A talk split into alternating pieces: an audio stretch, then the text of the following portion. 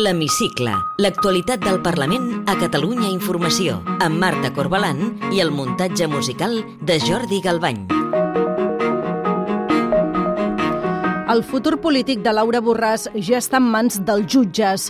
Aquesta setmana ha quedat vist per a sentència el judici a la presidenta suspesa del Parlament.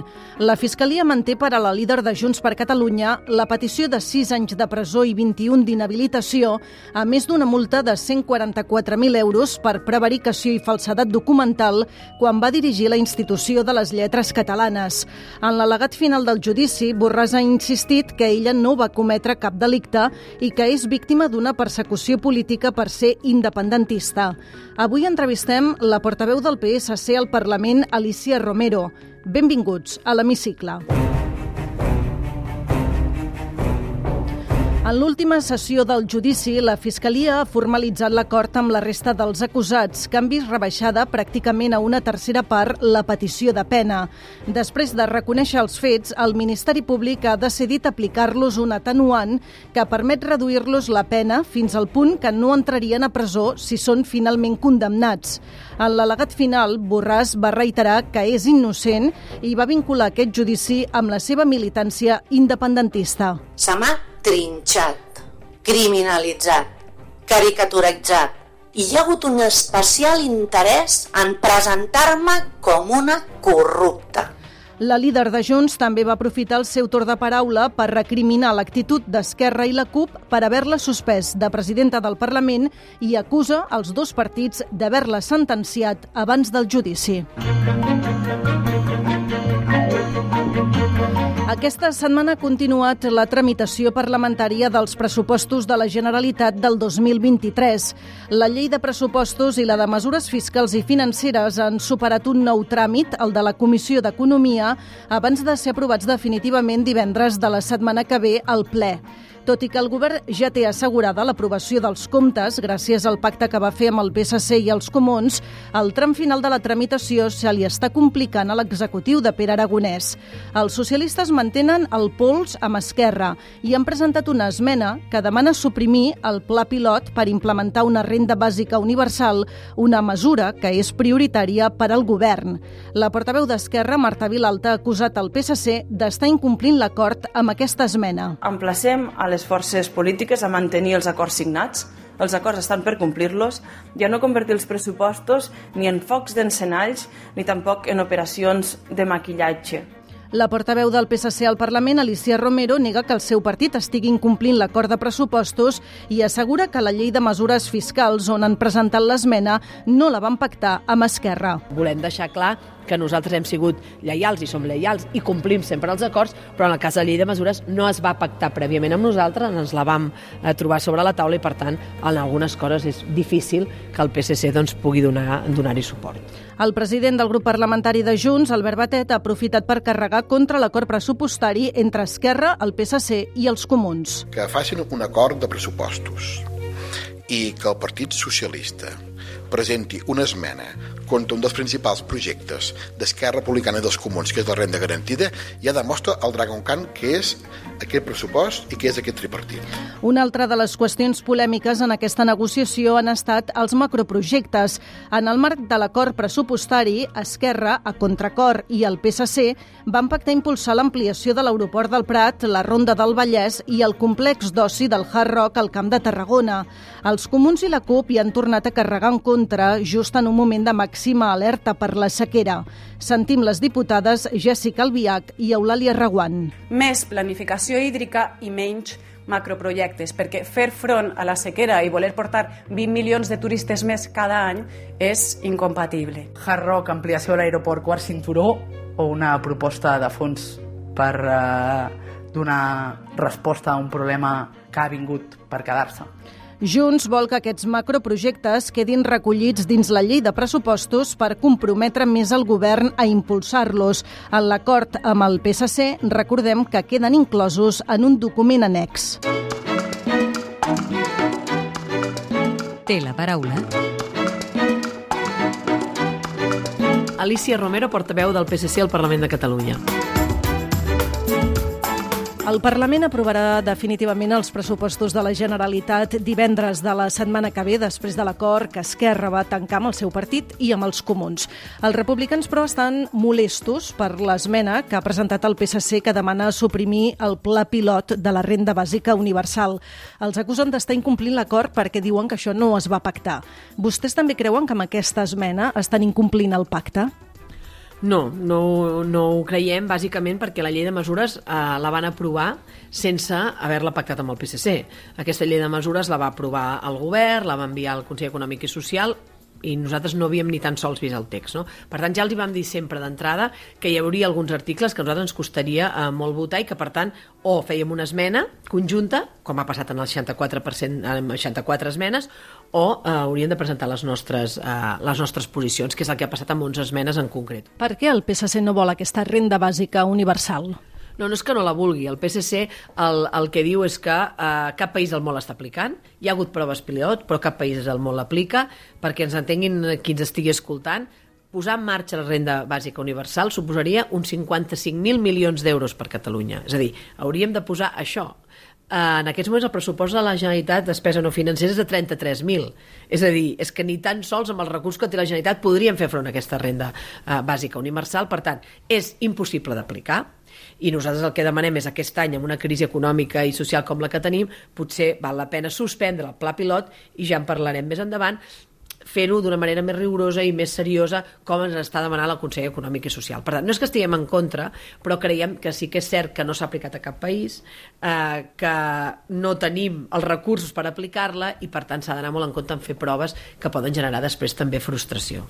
Després de presentar totes aquestes esmenes, tant per part del seu partit, del PSC, com per part de Junts, podem intuir que Esquerra no ho tindrà fàcil durant aquesta legislatura i s'evidenciarà en cada votació la minoria amb què governa? Bé, el que és evident és que Esquerra té 33 diputats, no? que el govern està suportat per 33 diputats, i el que, en fi, qualsevol es podria pensar és que davant d'aquesta minoria el govern ha de cercar suports per tot, per aprovar decrets llei, per aprovar lleis, per aprovar mocions, i el que esperem és que el govern tingui aquesta vocació de diàleg i d'acord amb els altres grups. Pot ser amb el PSC o no, però en tot cas, si pretén aprovar eh, lleis, si pretén aprovar decrets llei, si pre pretén que la seva, eh, diguéssim, mm, política pública no? i tot allò que vol desenvolupar des del govern es pugui aprovar en el Parlament, haurà de cercar el suport. I això vol dir que ha de dialogar. I ha de dedicar esforços això. I sincerament nosaltres això no ho veiem. Eh? Ha passat ara en pressupostos puntualment, però en general no és l'actitud que veiem d'Esquerra, creiem que li falta diàleg i sobretot que li falta cercar acords. No? I si no, evidentment, si no fa això, es trobaran problemes, evidentment, en el Parlament, perquè nosaltres, eh, evidentment, doncs, si no s'acorden les lleis, doncs no tindrem cap compromís per aprovar-les, òbviament. Amb aquesta actitud que diu que té Esquerra, creu que el president Aragonès pot exaurir, esgotar la legislatura? doncs veurem, depèn de com vagi la legislatura, és a dir, evidentment, si té una actitud poc dialogant, de poc acord, i no aprova eh, les coses, doncs és evident que tindrà més difícil no? a esgotar la legislatura, perquè és una decisió que haurà de prendre el president Aragonès i que està, a la, diguéssim, a la seva potestat, doncs, canviar també el rol que té el govern en relació al Parlament i el seu propi grup parlamentari. No? Per tant, espero que rectifiqui i tingui una actitud molt més eh, d'acord que la que tenen en aquests moments. Aquesta setmana ha quedat vist per a sentència el judici a la presidenta suspesa del Parlament, Laura Borràs. La Fiscalia li manté la petició inicial de pena de 6 anys de presó i 21 d'inhabilitació. Ara el seu futur polític podríem dir que queda en mans de la sentència i del que decideixin els jutges. Com creu que està afectant aquest cas a la imatge del Parlament? Bé, ja fa temps que la imatge del Parlament, diguéssim, està sota mínims, no? És una de les crítiques que nosaltres fem, més enllà de Laura Borràs, doncs que portem molts mesos no? amb, amb, amb la imatge del Parlament molt tocada. Una de les coses que nosaltres demanem és que quan abans tornem a la normalitat, millor. I, per tant, veurem eh, quina és la sentència, què ens diu aquesta sentència, però nosaltres el que demanarem als grups és quan abans millor mm, tornem a la normalitat, puguem prestigiar de nou el Parlament i posar ordre en aquesta institució que ho necessita ja des de fa temps. Per tant, respectem molt les decisions judicials, veurem quina és la sentència final a Laura Borràs, però passi el que passi demanarem doncs això, normalitzar eh, el Parlament i tornar-lo a prestigiar a la mesura de les nostres possibilitats. Si s'arribés a l'escenari d'haver de triar un nou president o presidenta del Parlament, el PSC estaria disposat a mantenir l'actual correlació de forces a la mesa, és a dir, a, a mantenir que la presidència del Parlament fos per Junts eh, per Catalunya?